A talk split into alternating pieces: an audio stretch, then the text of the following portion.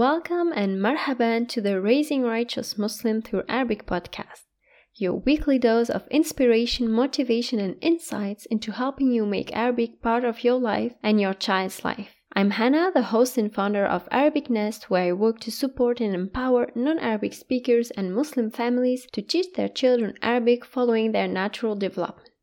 Assalamu alaikum, everyone. So by now, Ramadan must feel so far away, like it was a lifetime ago, subhanAllah. And for some, we have been back to our usual routines work, cook, clean, and all.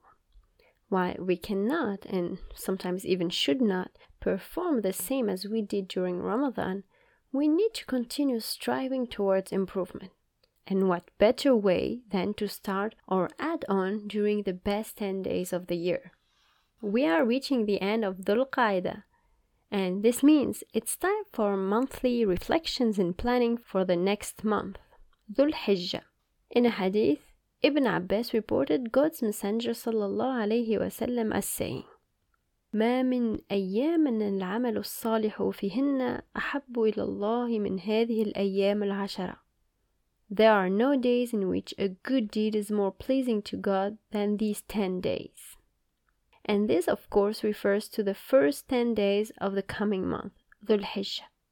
It literally means the one with Hajj, Dhu, the one with, referring to the pilgrimage celebrated on the 10th of that month, Al Hajj. And so today, I would like to inspire you to make the most of these blessed days with your children, bi'idhnillah ta'ala.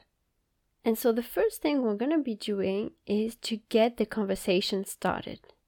Initiate the conversation with your children, ideally before those days are upon us. But even if you haven't been able to, just start now. There's no need for a formal lesson or having your kids sitting at the table to be talking about these things. Just casually talk to them as you would with any other thing. Some question could be ما اسم الشهر المقبل? What is the coming month? If you're already in Dhul Hijjah you can say instead في أي شهر نحن What month are we in? And then you can continue on to ask لماذا سمي بهذا الاسم حسب رأيك? Why do you think it was named like this? So حسب رأيك means in your opinion. Like what do you think? ما هو الحج? What is Hajj?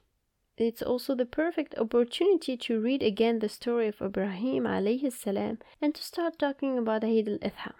Now, regarding the 10 days, you could talk about the two first ayah from the Quran in Surah Al-Fajr. وَالْفَجْرِ وَلَيَالٍ عَشْرٍ By the dawn and the 10 nights.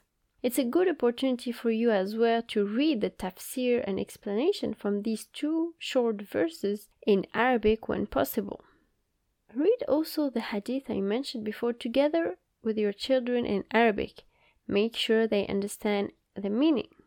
And then you could ask them هل تستطيع أن تسمي بعض الأعمال الصالحة؟ What are good examples of good deeds? Could you give some examples of good deeds? Great, now that we have clarity on what period we are in and what it means, it's time to actually take action and not just talk about it. And actually, the best way for our children to understand what these days really mean is for them to experience them. So, I'll share with you three simple steps to make sure you are seizing this beautiful opportunity that are the 10 first days of Dhul Hijjah. And that starts with making a plan. Tell your children that you will prepare for these blessed days by making a plan. Make a list of good deeds. Brainstorm with your children. Either make a list or decide on specific deeds to do each day. There's no right or wrong here. The idea is to encourage ourselves and our children to perform more good deeds. It's also a great opportunity to learn more about Allah and what is pleasing to Him. If you're on Instagram, be sure to follow our series Allah loves, Allah yuhibbu.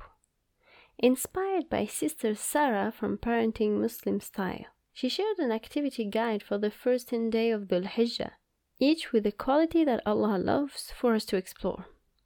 We'll be doing something similar, exploring the quality that Allah loves found in the Quran in Arabic, bi'idhnillah ta'ala.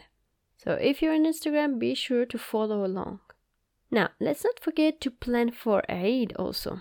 So be sure to have everything sorted out before so you have enough time to get things prepped. If you'll be doing cards or crafts, already look for some ideas so you don't waste too much time then.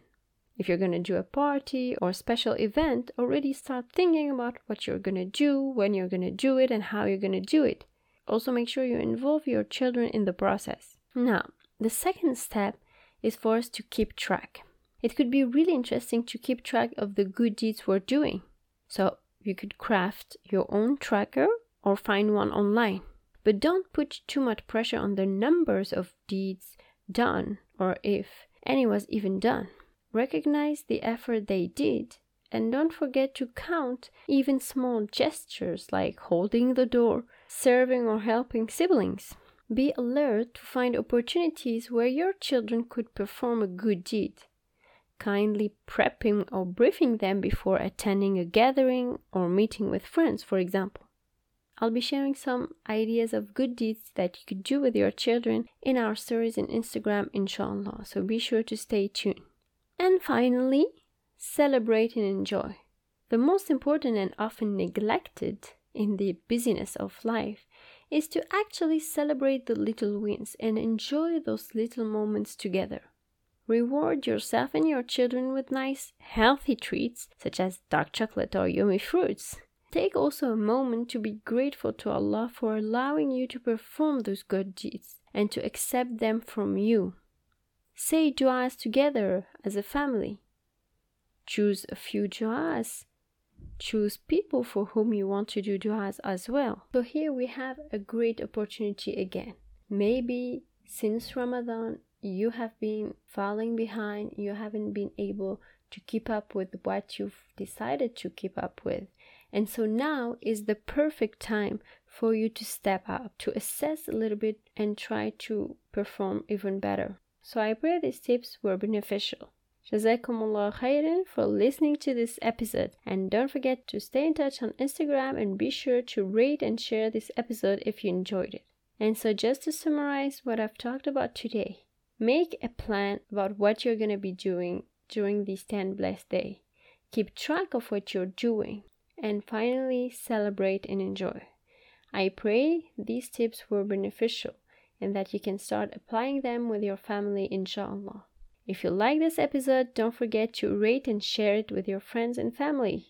Let's stay in touch on Instagram and until the next episode. السلام عليكم ورحمة الله وبركاته.